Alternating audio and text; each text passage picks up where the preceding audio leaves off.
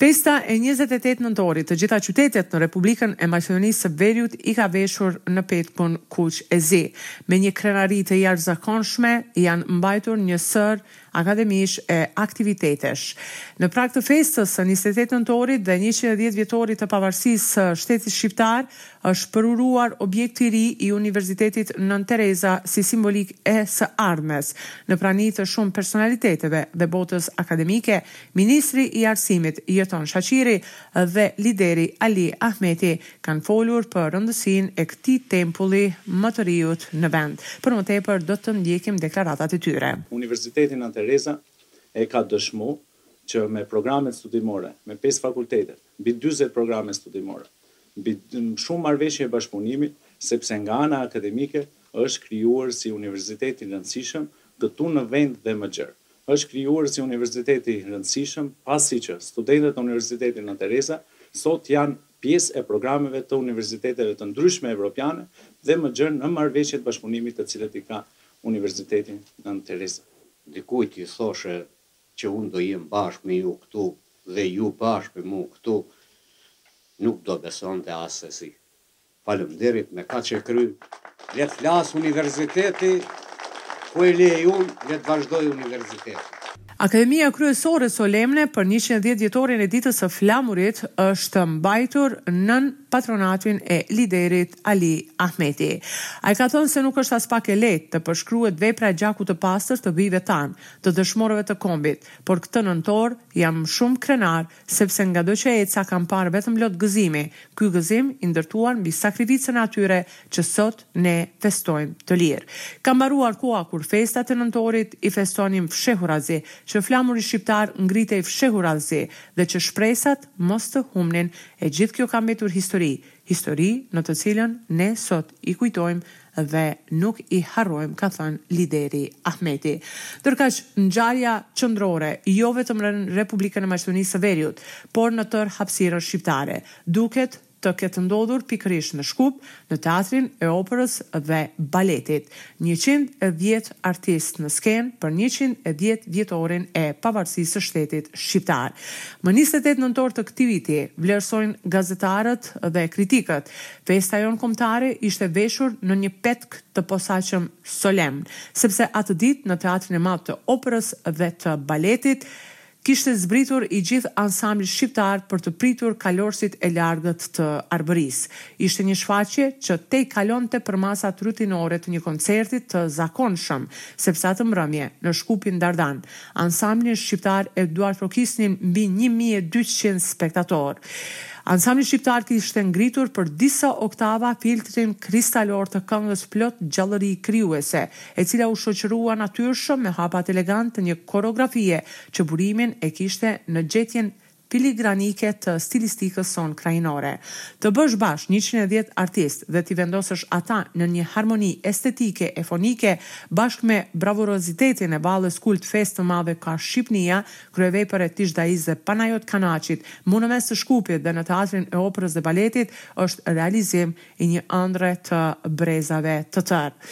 Kjo mund t'i ndodhë një ansambli me përvojë disa dekadëshe, por një vizitor i panjohur që për herë të parë ballafaqohet me këtë spektakël do ta ketë të vështirë të beson se mosha e ansamblit shqiptar i udhëhequr nga Shkodran Tolaj është jo më shumë se tre vjet. Ky spektakël ka ardhur pas çmimeve të para ndërkombëtare dhe Përveç valleve premierë si ajo e Dervenit dhe e Dibrës, pikave të jashtëzakonshme të recitimit, këngë të jugut e të veriut, këngë të jashtëzakonshme epike, që kanë krijuar një laramani të jashtëzakonshme, bashkë me videoprezantimet dhe skenografinë, kanë krijuar një ngjarje që ndodh shumë rrallë në hapësirat tona dhe kishte dekada që nuk kishte ndodhur në Shkupin tonë. E nga ngjarje të tjera, do të kalojmë në ato të politikës. Emrat të cilët fliten si ministra të ardhshëm të Aleancës për Shqiptarët në formatimin e qeverisë nuk janë të saktë, ka thënë kreu i kësaj partie Arben Taravari, derisa VMRO-DPMNE kërkon zgjedhje të parakohshme si. ka kërkuar deri më tani, analistët thonë se në këtë kohë të krizës zgjedhjet nuk janë zgjidhje. Ndërkaq, zhurma se Aleanca do të futet në qeveri dhe përfolja e shtatë-tetë emrave të mundshëm si ministra janë përgënjeshtruar nga Arben Taravari, i cili gjatë ditës së sotme ka dorëzuar kandidaturën për kryetar të partisë. Ai ka këmbëngulur se nuk ka akoma ftesë nga kryeministri dhe kur do të ketë, do të ketë edhe grup negociator për shkak se për momentin partia ende nuk e ka zgjedhur kryetarin. Kur të fillojmë negociata do t'ju informojmë. Për momentin nuk ka. Unë e di se ka spekulime nëpër portale, media, jemi temë diskutimi dhe kjo është mirë për Aleancën për Shqiptarët kur bisedohet, por s'ka asgjë konkrete.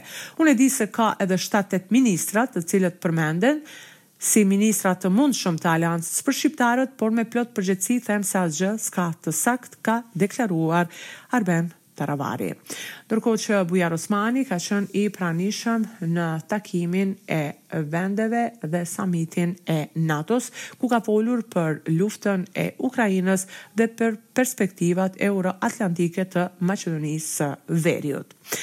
Zërat për zgjerimin eventual të shumicës nuk i ka hedhur poshtë kryeministri Kovaçevski. Megjithatë, ai ka thënë se takimi i zhvilluar kohë më parë ka qenë mbi parimet e eurointegrimit dhe luftës kundër krimit dhe korrupsionit. Me idenë e zgjerimit të shumicës nuk janë të kënaqur partnerët më të vegjël të koalicionit. Kryetari i Lidhjes Demokratike, Pavle Trajanov, ka thënë se shumica është stabile me gjashtëdhjetë e katër deputetë dhe se me përfshirjen e një partie tjetër shqiptare shkelet përfaqësimi i drejtë etnik. E presidenti Stevo Pendarovski ka pritur presidentin e Republikës Federale të Gjermanisë, Frank Walter Steinmeier, i cili ka qëndruar për vizitë zyrtare në Republikën Maqedonisë së Veriut. Sipas axhendës, ishte paraparë që presidenti të mbajë fjalim para deputetëve, të takohet me të rinjtë në Qendrën Presidenciale për Edukim Politik, të bisedojë me grupin e xhirimit të filmit Medena Zemlja dhe të vizitojë Parkun e Erës në Bogdanci. Në vizitën e tij të parë në Shkup, presidenti gjerman, Steinmeier, tha se vendi është para një vendimi të rëndësishëm. Ai shtoi se ndryshimet kushtetuese do të mundësojnë hapjen e qetë të kapitujve të negociatave. Ai në Kuvend tha se për këtë temë do të bisedojë edhe me deputetët e të gjitha grupeve parlamentare. Për më tepër ndjekim deklaratën e tij.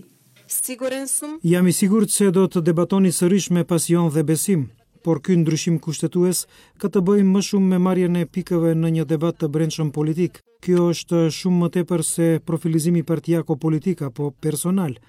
Tani nuk është koha për të rënë në formula të thjeshtuara dhe ngjyrime nacionaliste, Lutja ime është që të mos e humbisni qëllimin e ndjekur kaq gjatë.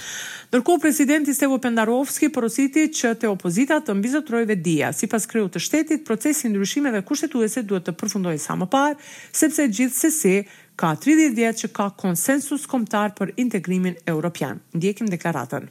Nëse është e vërtetë që duan shumë integrim evropian, atëherë mendoj se duhet të funksionojë edhe ndërgjegjësimi i tyre, dhe të votojnë ndryshimet kushtetuese nesër, pasnesër, pas një viti apo dy. Në demokraci ka ndryshim pushteti çdo herë dhe ata do të jenë në pushtet dhe do të kërkojnë të njëjtën gjë nga opozita e nesërme. E në Shkup kanë filluar edhe protestat që po bllokojnë gjithë qytetin. Ministria e Punëve të Brendshme ka njoftuar se do të marrë masa për regjim të veçantë të komunikacionit në bulevardin Ilinden për shkak të protestës së autobusëve privatë të paraparë nga ora gjashtë të mëngjesit. Siç bënë të ditur nga Ministria e Punëve të Brendshme, regjim të veçantë qarkullimi do të ketë nga kryqëzimi i Ilindenit në bulevardin Kliment Ohridski deri te kryqëzimi Tetë Shtatori. Ministria e Punëve të Brendshme apelon që qytetarët të respektojnë urdhrat e policisë. Ndryshe me bllokimin e krahut të djathtë të bulevardit Ilinden me autobusë, transportuesit privatë të Sloboda Prevoz dhe Mak Ekspres shprehin protestën dhe pakënaqësinë e tyre për shkak të borxhit të papaguar. Nga ana tjetër, qyteti i Shkupit apelon që të heqin dorë nga bllokada dhe këto protesta. LSDM ka akuzuar edhe një herë kryetaren Arsovska që për herë të parë në histori ajo ka bërë që të ndalet transporti publik në kryeqytet. Për radion SBS raporton nga Republika e Maqedonisë së Veriut Besjana Mehmedi.